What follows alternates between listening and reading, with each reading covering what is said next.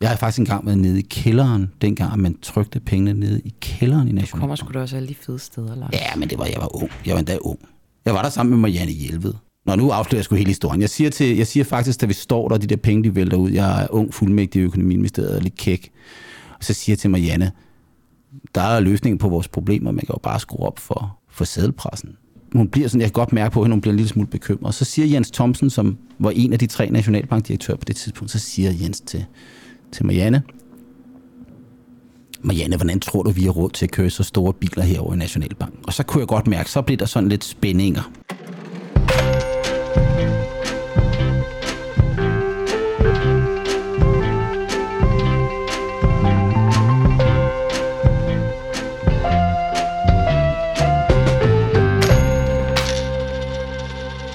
Er pengemængden, V er den såkaldte omløbshastighed eller velocitet, som angiver, hvor mange gange pengemængden omsættes i en given tidsperiode. P er prisniveauet, og T er antallet af transaktioner i økonomien. Okay, er vi forvirret nu, Lars Christensen? Du har selv bedt mig om at slå op på den her side. Ja, jeg er ikke forvirret, jeg har selv skrevet det. Du har givet mig en bog, som du selv har skrevet om Milton Friedman. Øhm, For 20 år siden viser, hvor sindssygt gammel jeg er. jeg spurgte dig, om den stadig holder i dag, og så sagde du, selvfølgelig gør den det. Den er tidsløs. Frøken Boraki, du var 10 år, da den bog den udkom. Ja, og der læste jeg den ikke, der læste jeg Wendy Blade. Men øhm, jeg ved ikke, om det her, jeg lige læste op nu, for jeg forstår det overhovedet ikke. Jeg har jo så heller ikke skrevet det, men øh, om det er et form for oplæg til det, vi skal tale om i dag. Ja, det er det. Godt. Vi skal nemlig tale om, og jeg kan lige så godt sige det, som det er. Vi øh, er i gang med første udgave af det, man kunne kalde for et dobbeltafsnit. Det, er, det lyder som sådan noget true crime, men, men, øh, men ja, det er det et dobbeltafsnit om øh, et meget vigtigt emne, som optager utrolig mange mennesker lige nu. Men jo på forskellige niveauer, altså... Ja, det må man sige. der, der er jo mange, hvor det bliver, altså de optages af det på det sådan konkrete, praktiske niveau, og så er der nogen som dig for eksempel, som er optaget af det på et både praktisk og teoretisk niveau. Ja, jeg talte om det her emne i går aftes på et foredrag, jeg holdte, og øh, verden sagde, Lars kan godt tale om det her på en meget teoretisk måde. Men det er godt, fordi vi taler meget om det konkret. Og, ja, det er, og det er så også det, vi skal prøve at gøre i de her to udsendelser, det er at tale om det her emne øh, lidt bredere og lidt forståelsesmæssigt. Og jeg kan godt love, at jeg tror, jeg bliver mere nørdet end normalt. Endnu mere nørdet end normalt. Nu giver jeg dig lige to udgaver af, hvordan man kan tale om det her emne, og så kan du sige, om begge er rigtigt eller begge er forkerte. Mm. Smørpriserne stiger helt vildt, og den anden måde, øh, hvad skal man sige, penges værdi falder, jo flere penge, der er i omløb. Hold kæft, du er en god student. Det er to selvfølgelig er det rigtige. Etteren er ikke rigtigt. Øh, det er... Kan du huske, jeg skrev til dig for et par dage siden, vi kommunikerede nogle gange på Facebook, af en tegneserie? Ja, du var sur over en tegneserie. Ja, Skal jeg finde den frem? det, det synes jeg, du skal gøre. Fordi øh, den handlede ikke om smørpriser, men det gjorde den sådan næsten. Jeg forstod jo ikke, hvorfor du var så sur over den. Nej, men det er jo bare... Altså, Er det pjat? ja, Okay, det er, det, jeg ved ikke, om det er Wolf Morgenthaler, der har lavet er den. Det ligner deres streg. Det er en øh, dame, der sidder øh, ved en computer, og så er det en mand, der står med et Claude Monet åkande billede. Og ham her manden med Monet-billedet, han siger, jeg har en diamantring, og den her Monet, kan jeg så få en liter kernemælk? ja. Han, han ser lidt panisk ud, ikke? Og nu kan vi jo godt afsløre, det, vi skal tale om er Inflation. Præcis. Og øh, det der med en, øh, en, en, en pris, se her, det vi taler om her, det er jo sådan set, at prisen på mælk er steget relativt til Prisen på et Monet-billede. præcis, ikke også? Det er ikke inflation. Det er en relativ pris. Det er bare mælk, der af en eller anden grund er blevet dyrt. Relativt til Monet-billeder. Åbenbart er Monet-billeder blevet relativt uinteressant at eje, eller en diamantring, men mælk, det er sagen. Så det er en relativ pris. Nå, så det de vil sige, men som de så har misforstået, det er, at nu er den her mælk blevet sindssygt dyr. Ja, og det er faktisk i den nuværende situation korrekt, at, øh, at, øh, sådan nogle priser er steget mere end det andet. Men, men det, det er det, vi kalder relativ priser. Ikke? Det er den prisen på noget i forhold til noget andet. Men inflation, Men har det ikke noget med inflation at gøre? nej. Det har noget med udbud og efterspørgsel at gøre? Ja, på de enkelte ting. Ikke? Altså hvis, hvis, øh, hvis vi skal definere inflation, så definerer vi inflation normalt i den økonomiske lærebog som værende en stigning, en vedvarende stigning i det generelle prisniveau. Det vil sige, at det er hovedparten af priser, eller priser over en bred kamp, der stiger. Det kan ikke bare være enkelte områder eller enkelte varer. Det er klart, at nogle stiger hurtigere end andre, og nogle stiger... Altså, og så kan man sige, hvis, inden vi går tilbage til, hvad er årsagen til de der stigninger, så er der jo så er der nogle priser, som vi ser mere end andre priser. Da jeg var barn, der var, øh, der var meget mere inflation. Ikke? Så sagde de i radioavisen, øh, nu, var, øh, nu var forbrugerpriserne steget med et eller andet x procent. Og det skyldtes, at priserne på sko var steget, eller et eller andet. Og det skyldes jo ikke, at prisen på sko er steget. Det er bare den pris, der var steget mest, så at sige. Og lige nu så taler vi om, at det er priserne på energi, eller på fødevarer, eller på... Jeg sad og kiggede på svinekødspriser forleden dag. Øhm, svinekødet er steget cirka 20 procent det sidste år. Men det er jo en gave i forhold til, øh, til oksekød, der er steget dobbelt. Ikke? Men det er relativ prisforskel. Øh, det er ikke inflation. Fordi man kan jo godt forestille sig, at øh, svinekødet svinekød steg i pris, og oksekød faldt i pris, og noget andet faldt. Vi, hvis vi kigger på det konkrete inflation lige nu, så er varepriserne steget meget mere end ydelser. Altså, det, frisørpriserne er ikke steget så meget som prisen på smør, for eksempel. Eller en advokattime. En psykologtime. En økonomtime.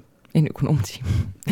øhm, jeg laver også lige endnu et ophold her, og øh, siger, at vi skal jo tale om inflationens historie, hvis vi ikke fik understreget det. Altså det er jo sådan, vi vil lave de her dobbeltafsnit. Vi ligesom går tilbage og forklarer, øh, hvad er inflation, og øh, følges med det. Ja, og derfor så må man jo sige, hvis vi nu skal holde fast i lytteren, så bliver I simpelthen nødt til at forstå det her, for at kunne forstå det næste afsnit. Præcis. Ikke også? Det er her mordet bliver begået, kan man sige. Præcis. Og vi afslører så, ej, det afslører vi også i dag, hvordan, hvem, hvad. Men vi vil tale om i næste afsnit, den konkrete inflationsepisode lige nu. Hvad er det, der sker lige nu? Men i dag vil vi godt prøve at finde ud af begrebet og gå tilbage i historien og tale om dimensionerne i dag. I går onsdag fremlagde regeringen jo en finanslov, eller det gjorde finansminister Nikolaj Vammen. Jeg, jeg kan ikke huske, at han kaldte det en inflationsfinanslov eller noget af den stil. Det gjorde han ikke. Jeg tror bare, han kaldte den var stram og ansvarlig. Ja, Altså, når man, når man har behov for at sige, i, i simpelthen på titlen på produktet, at den stram og ansvarlig, så, så, så, så kunne det jo godt, så må man jo stille sin, nogle spørgsmål. Jeg, jeg synes faktisk, den var, den, den, den var røvsyg, den der finanslov. Øhm, men var den ansvarlig? Nej, det skal vi ikke tale om, Lars. Nej, det skal vi ikke det snakke om. Den, den, den, den, var, den var ikke uansvarlig øh, overhovedet ikke. Øh, jeg, jeg kunne ikke hisse mig op over det. Øh, men, men, men, men, men det, jeg vil sige med det der med, med, med den finanslov, det var jo, at der er en finanslov afsat 2 milliarder kroner til inflationshjælp. Og når du siger, at politikerne taler om det, det politikerne jo gør, det er, at vi, hvis vi nu kigger på højre og venstre i det danske politiske spektrum, så har venstrefløjen jo sagt, at øh, huslejerne må ikke stige, der skal vi have lagt et loft ind. Øh, varmesjek, ældresjek. Varmesjek, ældresjek. Vi skal sende nogle, kompensere nogen med nogle checks. Så har øh, erhvervsminister Silum Kollerup været ude for en uge eller to siden og sige, nu holder vi øje med, om der er nogle supermarkeder, der sætter prisen op. Det må de ikke mere end et eller andet. Øh, prispoliti. Så det, det er venstrefløjen. Og højrefløjen, øh, og højrefløjen, det er alle partier. Jeg har ikke set nogen partier på højrefløjen, der ikke har krævet afgiftslettelser. Ja, det så jeg også lige LA. Ole Birk var ude og snakke om. Yes, alle sammen. Afgifterne skal ned. Og det, der er interessant ved både højre og venstre siden det her, det er jo symptombehandling. At der, er ingen, der er jo nærmest en øh, frygt for at tale om inflationsårsager. Altså, det er jo bare blevet sådan noget, det er jo bare Putin. Ikke? Jo, jo, jo. Det er vi også og, holdt op med at snakke om, faktisk, hvor ja, det kommer fra. Ja, og det er der bare, og det er som uheld, og det kan løses ved de der ting der. Men der er ikke rigtig nogen, der sådan helt fundamentalt fokuserer på, hvad det er.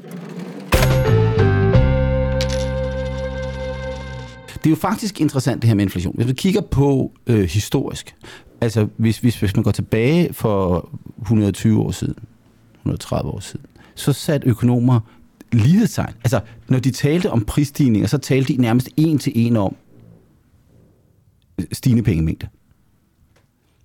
Øh, det gør vi ikke i dag. Altså, i dag taler vi om, at inflation er defineret uagtet af, hvad der har skabt det. Ikke? Det er, er, den, Den, den, når, når, man, når man går ind på Danmarks Statistiks hjemmeside,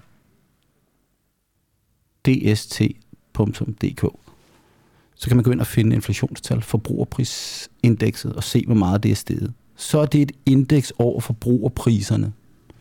Og forbrugerpriserne, det er alle mulige varer. Øh, det er basalt alt det, vi bruger penge på hver eneste måned. Og det er alt lige fra husleje til advokatregninger, til tandlægeregninger, til smør, smør og svinkød. Øh, og og øh, så, så det er det der definition. Så kan man så også sige, for at gøre det endnu mere forvirrende, så øh, er det der jo egentlig ikke nær så klart defineret, fordi vi to har ikke den samme forbrugskurve. Nej. Altså, vi bruger ikke penge på det samme. Det tror jeg ikke, nej. Nej. Øh, Med mindre og, du køber rigtig mange cigaretter.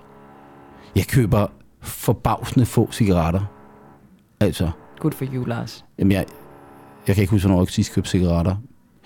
Jeg ryger en gang med en cigar, men det, også selv det er alt, alt for lang tid Gud, hvor er det dog klichéagtigt, at du står i dit jakkesæt og ryger en cigar. Ja, ja, det er sindssygt. Du Jeg kan godt lide at ryge det? Nej, Nej, jo, men det altså, jeg elsker at ryge cigar, men jeg har jo ikke gjort det i fandme et halvt år eller sådan noget. Det vil sige, tror jeg, det var nyhedsaften, så det er ikke rigtigt. Jeg kan godt lide det. Altså. Så kan du sidde der i sådan noget Chesterfield øh, Nej, ledersofa og en nej. og en cigar, og så sidde der med alle de der økonomvenner der. Ja, det kunne faktisk, det, det lyder som en god kliché, men den, givet, givet det var rigtigt. Givet det var rigtigt. Måske skal vi lave sådan et setup på et tidspunkt. Det gør så vi tager jeg også jakkesæt Så, på. øh, så, så tager vi jakkesæt på og ryger cigar i studiet. Meget gerne. Det bestemmer vi nemlig. Det gør vi, det kan vi sagtens. Ja. Øh, nå, men tilbage på sporet, altså du siger, øh, det har ændret sig fra, at man så inflation som pengemængden, altså den øgede pengemængde, så steg inflationen til nu at se det i forhold til for, forbrug. Ja, altså i forhold til, når man ser på det forbrugerpriserne, så er det jo en gennemsnitlig forbruger. Så hvis vi to var hele økonomien, så var det gennemsnittet også to. Så ville det være lidt cigaretter, cigaretter men det ville også måske være øh, tandlægeregning til mig. Eller et eller andet. Så det er en gennemsnitlig forbruger. Og det ved vi jo godt, der er ikke nogen gennemsnitlig forbruger. Men, men det er sådan, man laver tal. Men man kan jo også sige, at der er... Øh, nu har vi jo talt om øh, huslejeloft øh, i et af vores tidligere programmer. Det er jo sådan, de kontrakter, der er indgået øh, på det private udlejningsmarked, de er typisk bundet til det, der hedder nettoprisindekset. Og det er forbrugerpriserne, men hvor man har pillet afgifterne ud. Altså varenes Afgifter. afgifter. Så lad os nu sige, at øh, fra det ene år til det andet år, så stiger momsen. Hvis, så vil forbrugerprisindekset stige, men nettoprisindekset vil ikke stige. Og det er begge to mål for inflationen. Nogle gange så taler man om, at man... Men man kan, hvorfor giver det mening at pille øh, afgifterne ud? Jamen det, det kommer an på, hvad man vil bruge tallet til, så at sige. Ikke? Hvis, hvis, hvis, hvis for eksempel vi, øh, vi kigger på pengepolitik, centralbanker nationalbanker, hvad de gør, så er det faktisk sådan, at øh, den amerikanske centralbank, Federal Reserve, har en målsætning om at sikre 2% inflation. Men det inflationsmål, man har, det er renset for svingninger i energi og fødevare. Fordi det er to sådan ret volatile elementer, der kører ret op meget ned. Det andet, de siger, det har vi ikke direkte kontrol over. Så det vil vi ikke have med i vores målsætning. Hvis vi kigger på den europæiske centralbank, der har man et forbrugerprisindeks, hvor det er med. Så de har begge to en inflationsmålsætning på 2%, men det de forbrugerpriser, de egentlig, det de, deres målsætning, det indeks, de prøver at ramme, er basalt set ikke det samme type indeks. Men det giver da kun mening, det som den europæiske centralbank gør. Det giver da ikke nogen mening at tage faktorer ud på den måde. Fordi i sidste ende har man vel målsætning for, at tingene ikke skal stikke af, så kan man jo ikke, så skal man vel medregne alle faktorer. Ja, men du kan også sige, når vi taler om inflation, så kan vi jo observere det fra måned til måned. Men hvis det nu i det omfang, det er pengepolitikken, der kontrollerer det, så kontrollerer pengepolitikken ikke inflationen fra måned til måned. Der er alt muligt støj, der er alt muligt andet. Vi vil godt prøve at følge noget, hvor der ikke er for meget støjelementer i. Så man kan også sige, at vi, vi, vi glatter det ud, vi fjerner det, det støjende element. Og, og, og øh, jeg siger ikke, det ene er rigtigt, eller det andet er rigtigt. Jeg siger bare, at der er ligesom... Det, det, øh, jeg holdt en, øh, en forelæsning nede på øh, Stellenbosch Universitet i Sydafrika for et par år siden øh, om at lave valutaprognoser. Fordi sådan nogle økonomistuderende, de lærer en hel masse teori om, hvad er det, der bestemmer valutakursen. Øh, men at gøre det i praksis, det er ikke fordi teorien er forkert, men det er jo fordi, hvis man nu der står et P i en lærebog, det betyder prisniveauet. Hvad er det så for nogle priser, vi egentlig vi skal bruge? Skal vi bruge nettoprisindekset, forbrugerprisindekset, forbrugerprisindekset uden energi og fødevare? Og derfor er der jo selvfølgelig, centralbanker skal forholde sig til nogle praktiske problemer. Men når det så er sagt, når vi nu kigger over flere år, altså der er ingen tvivl om for eksempel lige meget, hvordan vi måler det, så er der temmelig høj inflation i Tyrkiet lige nu. Forbrugerpriserne er steget med 85-90 procent det seneste år. Om vi tager fødevare og energi ud af det, eller med eller uden afgifter, det er sådan set ligegyldigt. Så man kan også sige, at hvis vi nu kigger på den amerikanske, det mål, som amerikanerne prøver at ramme, og det mål, som den europæiske centralbank prøver at ramme, så over en, lad os sige, femårig periode, så vil de to mål more være det samme. Så man kan sige, det er, det er praktikaliteter, men det er måske meget godt at forstå, når vi taler om inflation. Det er noget af det, som, som øh, øh, der var en, der skrev en kommentar på min Facebook-side i går, om, øh, han kunne ikke forstå, hvorfor den danske inflation var så lav. Altså, som man skrev, at om det kan ikke passe, den kun er 8-9-10 procent. Altså, jeg føler, at alt er steget meget mere. Og øh, det, det er han, sjovt, han siger alt. Ja, alt.